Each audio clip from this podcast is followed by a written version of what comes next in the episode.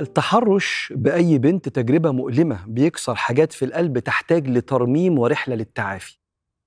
لو ما مشيتش في رحلة التعافي دي بالذات لو الجو المح... البيئة المحيطة بيها كانت بتلومها كمان إن هي وأقنعتها إنها سبب في اللي حصل لها ده لا القلب بيتكسر قوي. بيتكسر وبيبان الكسرة دي في ثلاث أربع حاجات كده. أول حاجة كراهية فكرة الشهوة أصلا. الشهوة ما بين الراجل والست ده شيء نبيل وشريف جدا. وربنا سبحانه وتعالى خلقه وجعله من المتع المباحة بين الراجل ومراته. قال تعالى ولكم في الأرض مستقر ومتاع إلى حين. وفي بضع أحدكم صدقة. النبي يقول كده العلاقة الزوجية دي فيها أجر.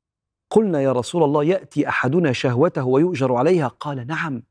أرأيتم إن وضعها في الحرام أكان عليه وزر؟ قلنا نعم يا رسول الله. قال كذلك إذا وضعها في الحلال. لكن اللي بيحصل ارتباط شعوري عند البنت اللي تم التحرش المهين بيها.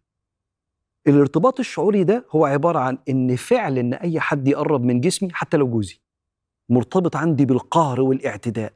فيفسد المعنى الجميل اللي في العلاقة الحميمية ما بين الراجل والست ويبدأ الموضوع ده يبقى فيه مشاكل في البيوت وجزء كبير من مشاكل البيوت وخراب البيوت عدم الأريحية في العلاقة الزوجية الخاصة. عشان كده ربنا سبحانه وتعالى وصى الرجاله قال نساؤكم حرث لكم يعني مراتك حلالك فأتوا حرثكم ان شئتم وقدموا لأنفسكم. بلاش اندفاع.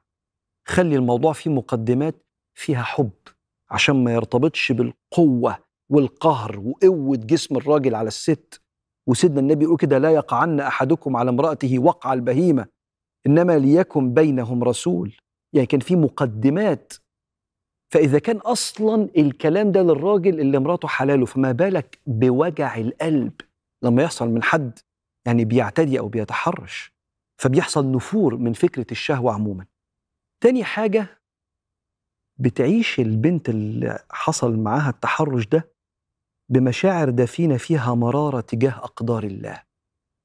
وإن ليه يا رب مكنت حد مني كده؟ وإن أنا عشان ضعيفة ولا عشان جميلة ولا عشان ست فالرجال بيشتهوها يحصل كده اعتراض دفين على فكرة قدر الله في وجود الست والراجل وفكرة الشهوة وفكرة القوي والضعيف والظلم اللي في الدنيا؟ بيعكر على البنت رحلة سيرها إلى الله وصفاء قلبها تجاه ربنا سبحانه وتعالى. كسرة محتاجة ترميم لازم ولازم البنت بإذن الله ربنا يقويها وتتحمل مسؤولية رحلة التعافي من اللي حصل ده. الحاجة الأخيرة والكبيرة واللي عشانها معمولة الحلقة فكرة حمل شعور العار. أنا كنت السبب. بعض البنات في وقعات التحرش ما بتلحقش تصرخ وتلم الناس على المتحرش أو تخاف تشتكي لحسن الناس تتهمها في أخلاقها. فبعد مرور فترة يصيبها كم لا يحتمل من تأنيب الضمير. أنا ليه ما قاومتش وهو كان جسمه أقوى وكان بيعتدي عليها فتتم نفسها إنها ما قاومتش ولا صرخت ولا لمت الناس ولا بلغت.